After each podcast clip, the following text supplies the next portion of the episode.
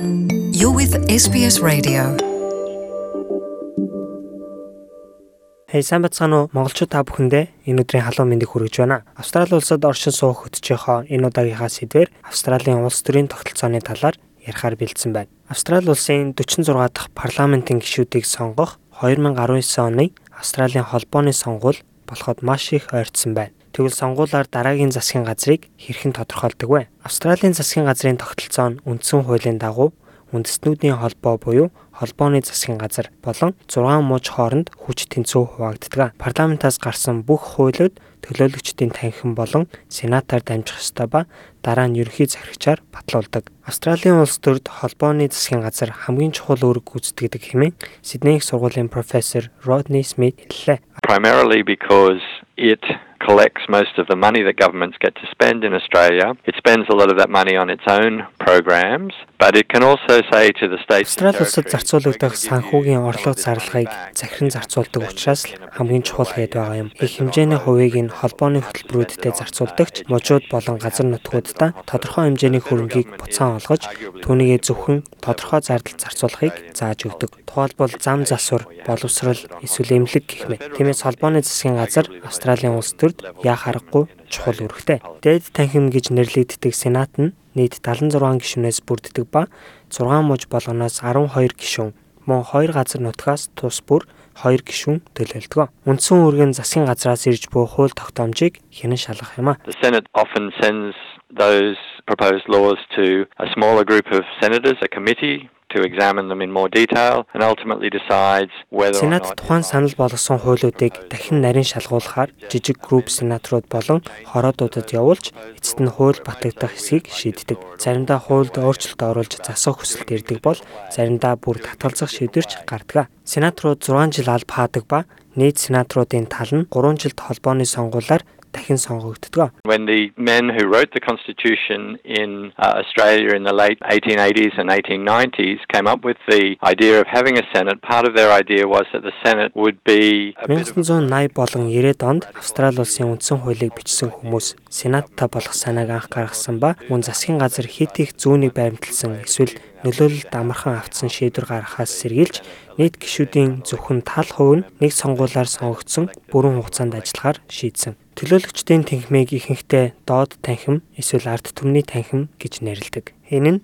нийт 150 гишүүд Австрали даяар хүн ам ойролцоо мужуудаас сонгогдсон 3 жилийн хугацаанд төлөөлөн ажилладаг. Хүн амын нэгтаршил өөр өөр байдаг нь хотуудад сонгогчдын тоо бага байхад хөдөө орон нутагт олон сонгогчд байх ялгаа гардаг. apart from representing geographical areas of Australia, government of the day is formed by Засгийн газар Австрали улсын газар зүүн бүсүүдийг төлөөлөхөөс гадна төлөөлөгчдийн танхимаас хамгийн их дэмжигдэх чадвартай хүнээр байгуулагддаг. Ерөнхий сайд Скот Моррисоны эвслийн засгийн газар одоогийн байдлаар төлөөлөгчдийн танхимд 76 суудал эзэлдэг бол хөтөлбөрийн нам 69 суудал эзэлдэг. Засгийн газрыг ялахын тулд удирдах нам төлөөлөгчдийн танхимд хамгийн багадаа 76 суудал авсан байх ёстой. Профессор Rodney Smith хэлэхдээ суудлын доод хязгаар заах нь сонгуульд маш чухал үүрэгтэй гэж ярьлаа. A marginal seat is a House of Representatives seat in which the two major parties, the Labor Party or the Liberal National Coalition, have reasonably even levels of support. танхимын суудлын нэг хэсэг болох marginal seat гэдэг нь үндсэн хоёр нам болох хөдөлмөрийн нам эсвэл либерал үндэсний эвсэл намаас сонгогдсон сонгогчдод ижил тэгш байдлаар дэмжлэг үзүүлэх боломжтой гэсэн үг юм а. Хэрвээ нийт сонгогчид эсвэл суудлыг 100% гэж үзвэл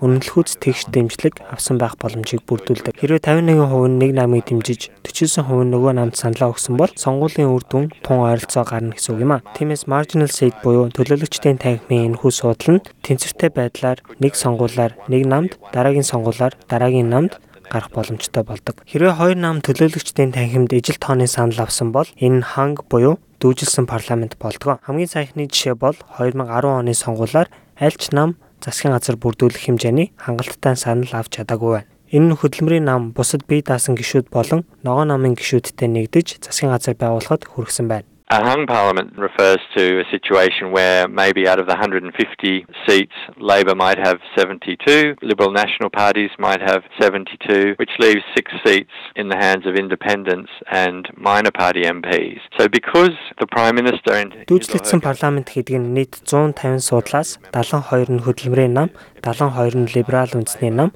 үлдсэн 6 судал нь бие даасан болон жижиг намын парламентын гишүүнд оногдсон нөхцөл байдал үүсгийг хэлнэ. Тэгэхээр ерөнхий сайд болон түүний засгийн газар төлөөлөгчдийн танхимд дийлэн их судал авсан байх ёстой тул энэ нөхцөл байдлын хувьд хөдөлмөрийн нам эсвэл эвслийн нам аль аль нь ч засгийн газар бүрдүүлэх боломжгүй болж байгаа юм. Тиймээс засгийн газар бүрдүүлэхийн тулд тэд бусад бие даасан парламентын гишүүд болон жижиг намын гишүүдтэй тохиролцох шаардлага гардаг. Австрали улсад оршин суугч дөрвөн хүн тутмын нэг нь гадаадад төрсэн байдаг ба хүн амын бараг тал нь эцэг эхийнх нь аль нэг нь гадаадад төрсэн байдаг. Харин энэ соёлын онцлог Австрали улсын улс төрд байдаггүй. Often parties pre-select candidates to run in elections who come from a relatively narrow group of people. Typically they'll be men, typically they'll be people who've worked in Ихэнхдээ намууд сонгуульд өрсөлдөх гишүүнээ харьцангуй цөөн бүлэг хүн амаас сонгодог. Хвчлэн эрэгтэйчүүд, хвчлэн тодорхой мэрэгжилтнүүд, хвчлэн их хэл нь англи хэлтэй хүмүүс гэх мэт. Иргэншил болон даяаршлын талаар судалдаг Альфред Дикин судалгааны Институтын захирал Дикин их сургуулийн профессор Фэти Мансури хэлэхдээ улс төрийн намууд шинээр гарч ирж байгаа нийгмийн бүлгүүдтэй илүү ойртож ажиллахын тулд гишүүдээ ч мөн олон үндэснээс сонгох хэрэгтэй гэсэн юм а. Until we start to see the demographic diversity that we have partially at least represented in the leadership structures that we are developing in Australia,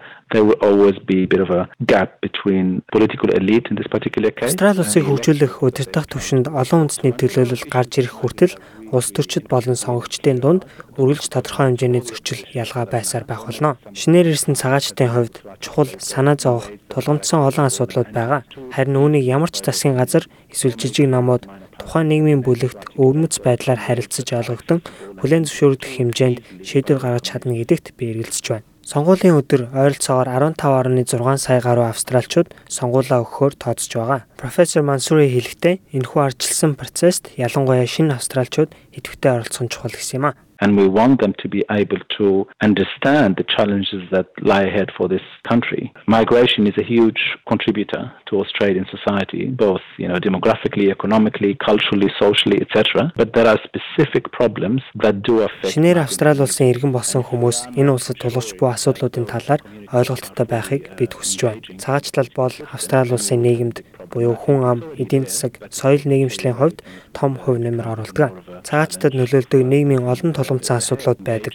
Хэрвээ бид цагаач иргэдээ улс төрийн тогтолцоонд бүрэн оролцуулахгүй бол эдгээр асуудлууд улам хүндэрнэ. Аль хэдийн бий болсон асуудал хүндэрч ирээдүйд урагшлахад саад болох болно. За та бүхэнтэйгээ дараагийн сэдвээр удахгүй уулзцаая. Тэр болтол танд амжилт хүсье.